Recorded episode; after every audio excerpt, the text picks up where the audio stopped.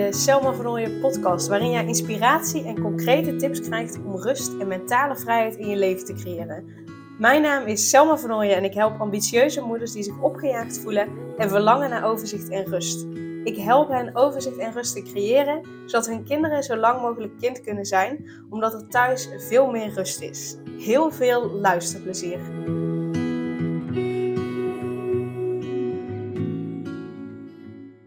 Ja, allereerst als je deze podcast meteen luistert als hij online komt, dan hele fijne tweede kerstdag, want het is vandaag maandag 26 december.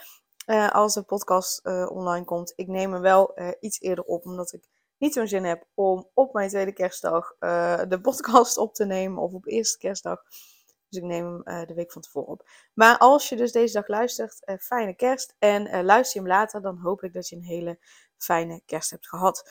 Uh, in deze aflevering wil ik het hebben over het, uh, ja, het voelen van een groot verantwoordelijkheidsgevoel. En dit zie ik namelijk, nou ja, echt oprecht bij al mijn klanten. Die hebben zo'n groot verantwoordelijkheidsgevoel. Die voelen zich voor zoveel dingen verantwoordelijk. maar ook ehm, in, een, in een hele ja, diepe vergaande mate verantwoordelijk. Dus ook echt heel erg verantwoordelijk voor uh, hoe anderen zich voelen. Uh, dat ze heel erg rekening houden uh, met anderen. dat ze erover nadenken als ze een keuze te maken hebben van oké, maar ja, doe ik daar geen anderen mee pijn? En daar denken ze niet per se altijd zo bewust over na. Uh, uh, maar dat speelt onbewust wel altijd mee. Dat grote verantwoordelijkheidsgevoel, maar ook die verantwoordelijkheid voor hoe anderen zich voelen. En uh, ja, de vraag is eigenlijk: hoe ver reikt nou daadwerkelijk jouw verantwoordelijkheid? Hoe ver reikt die? Want ben je daadwerkelijk verantwoordelijk voor, een, voor hoe een ander zich voelt? Nou, heel eerlijk, nee. Want uh, in principe kun jij niet sturen hoe iemand zich voelt. Uh, tuurlijk oefen je daar invloed, kun je daar invloed op uitoefenen. Hè? Als ik tegen iemand zeg, Jezus, wat ben jij dik en lelijk. Ja, dan nou ja, is over het algemeen niet mijn intentie om iets leuks tegen die persoon te zeggen. Maar om diegene te beïnvloeden om zich rot te voelen.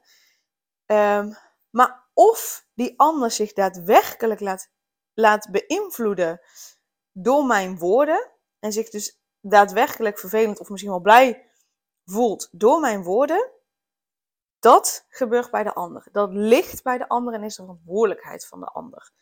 En op het moment dat ik iets tegen iemand zeg en de ander wordt getriggerd daardoor, dan is het interessant, want dan, dan zit daar een stukje, uh, um, ja, een stukje wat hen raakt. Dus dan zit er in henzelf iets uh, waardoor ze het eigenlijk misschien wel stiekem eens zijn uh, met, met wat ik zeg, maar dat ze daar niet blij van worden. Uh, maar ja, de ene persoon zal echt boos worden, verdrietig worden, weet ik veel wat, onzeker worden als ik zeg, jezus, wat ben je lelijk en dik. En de ander zal denken, laat die zomaar lekker kletsen, het zal wel. ik zie mezelf niet zo, punt. Um, en, en daarmee vind ik dat het eigenlijk laat zien dat jij niet überhaupt niet verantwoordelijk kunt zijn voor hoe een ander zich voelt, want dat doet hij altijd nog zelf. Dus hè, om, om gewoon even heel straightforward antwoord te geven, hoe ver reikt je verantwoordelijkheid? Bijvoorbeeld als het gaat om hoe anderen zich voelen, uh, nou ja, tot jezelf en hoe jij je voelt. En um, ik vind wel dat je een verantwoordelijkheid hebt om de intentie te hebben om uh, uh, goed te zijn voor jezelf en goed te zijn voor anderen. Hè? Dus dat je dat je alles wat je doet met een, met een goede intentie is. Eh, en dat je niet dingen doet om een ander te kwetsen. Ik, ik vind zelf dat dat wel je verantwoordelijkheid is. Maar of de ander dat ook zo uh, oppakt, ja, dat is een hele andere vraag. Um, als je bijvoorbeeld kijkt hè, naar, naar moeders die heel erg, um, um, bijvoorbeeld heel erg beschermend zijn. En, die, uh, en je hebt bijvoorbeeld een tiener thuis zitten en die, uh, um, die wil uh, iets gaan doen. weet ik veel, een bepaald baantje aannemen waarvan je echt denkt, nou, ik geloof niet dat dit bij jou past, dat dit voor jou werkt, dat je daar blij van wordt. Dat geloof ik niet. Dan, als je dan echt een hele erge beschermende moeder bent en, en, en, eh, ja, en je je er heel erg mee bemoeit, dan zal je waarschijnlijk heel veel tegen je kind gaan zeggen en gaan vertellen uh, waarom je dat allemaal niet uh, uh, zou moeten doen. En ehm, of dat jouw tiener dat oppakt, dat is zijn of haar eigen verantwoordelijkheid. Maar ook kan het zijn dat jij wel vindt dat het niet past, maar dat jouw kind vindt dat dat wel past. Of, waar ik dan heel erg in geloof, is, nou ja, als jouw kind die keuze maakt, dan zal hij of zij daarin misschien wel eerst nog iets, uh, uh, iets te leren hebben. Dan zal die ervaring, uh, dan zal hij of zij die ervaring nodig hebben om weer een stap verder te komen. En dan kan het zijn hè, dat je inderdaad gelijk had. Um, dat, dat het niet past. Dat hij na een maand terugkomt en zegt van nou ja, nee, dit werkt toch niet voor mij. Zeg dan alsjeblieft niet, ik zei het toch. Maar uh, ga dan juist net helpen van joh, hey, uh, nou ja, vervelend. wat heb je hiervan geleerd? Of wat kun je hieruit halen? Of weet ik veel wat. In plaats van dat je belerend aan gaat geven van hey, zie je wel, ik had het toch gezegd. dus ik vind dat je naar je kinderen toe een verantwoordelijkheid hebt om hen te begeleiden en te ondersteunen in hun eigen ontwikkelingspad. En ik vind wel dat je naar je kinderen een bepaald verantwoordelijkheidsgevoel, uh, een bepaalde verantwoordelijkheid hebt. Uiteraard dat, dat het goed met ze gaat, dat je, dat je, zo, goed mogelijk, dat je zo goed mogelijk voor hen zorgt, wat binnen je mogelijkheden ligt. Maar ook dat als je merkt van hey, ik kom hierin bepaalde vaardigheden tekort, of ik kom hierin um, ja, ik loop hier tegen mezelf aan, waardoor ik niet ja, wat objectiever mijn kind kan begeleiden. Dat je de verantwoordelijkheid hebt, vind ik, om hulp in te schakelen voor jezelf, om ervoor te zorgen dat je daar wel mee om kunt gaan. Dus ik vind dat, hoe ver reikt je verantwoordelijkheid, dat het heel erg afhankelijk is van de situatie, waar het om gaat, om wie het gaat. Dus verantwoordelijk, je verantwoordelijk voelen voor de gevoelens van een ander, dat slaat nergens op. En dat zeg ik super makkelijk, maar ik herken het wel echt heel erg. Omdat ik het voor iedereen goed wil doen. Ik wil dat iedereen het goed heeft. Ik wil niemand voor het hoofd stoten. Ik wil dat iedereen zich fijn voelt. En dat gaat gewoon echt niet.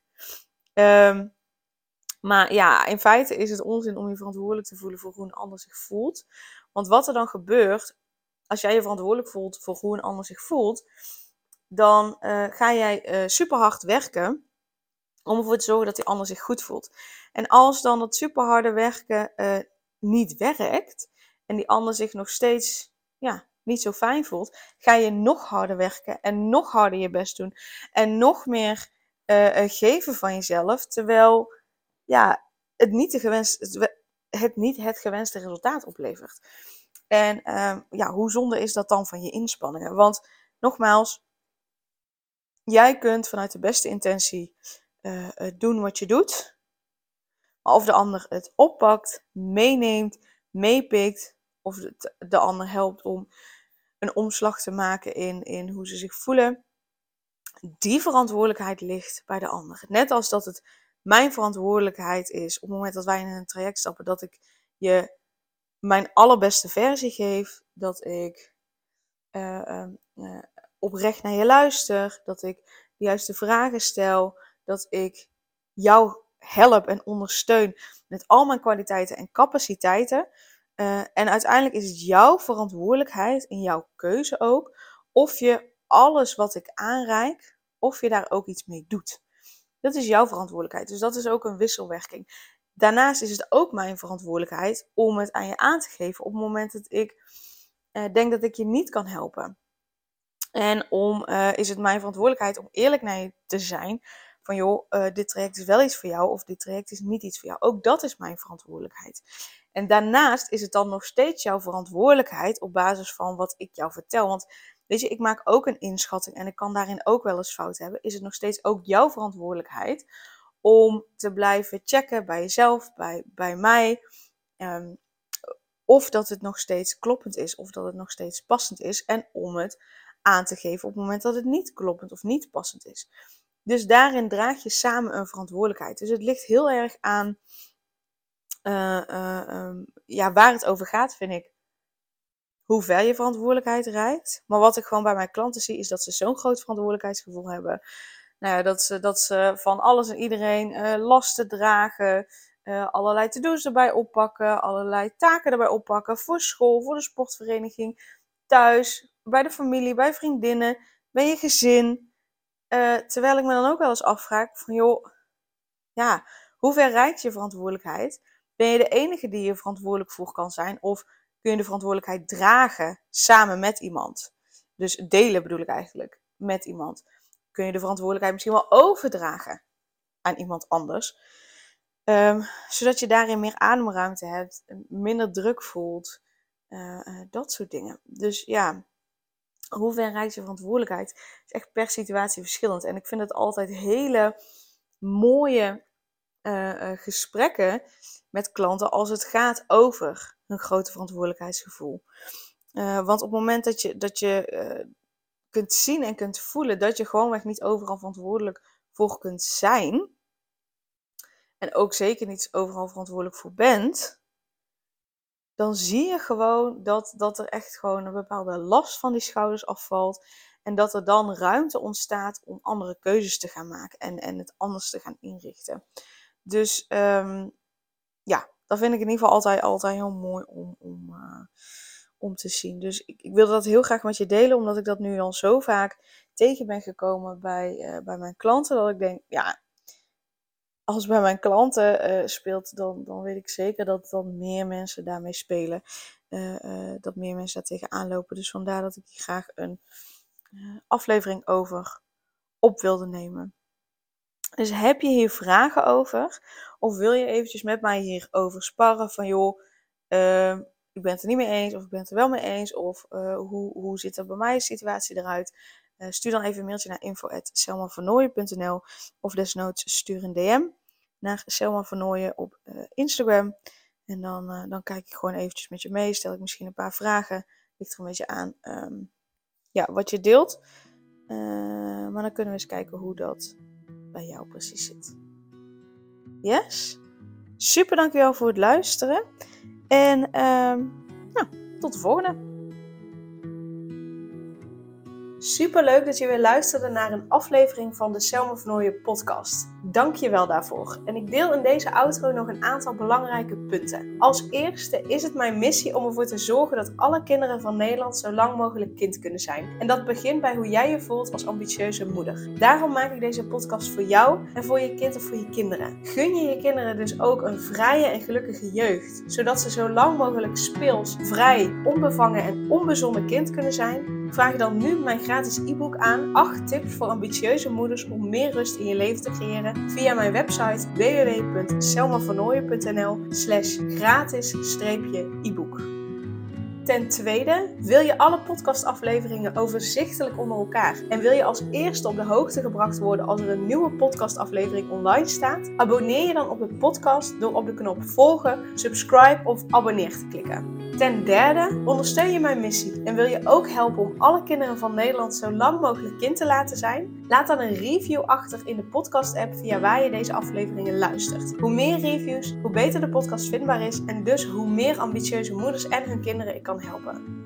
En tot slot, ken je andere ambitieuze moeders voor wie deze podcast interessant zou zijn? Deel dan gerust een aflevering met hen of deel een screenshot van deze aflevering op je social media en tag mij daarin.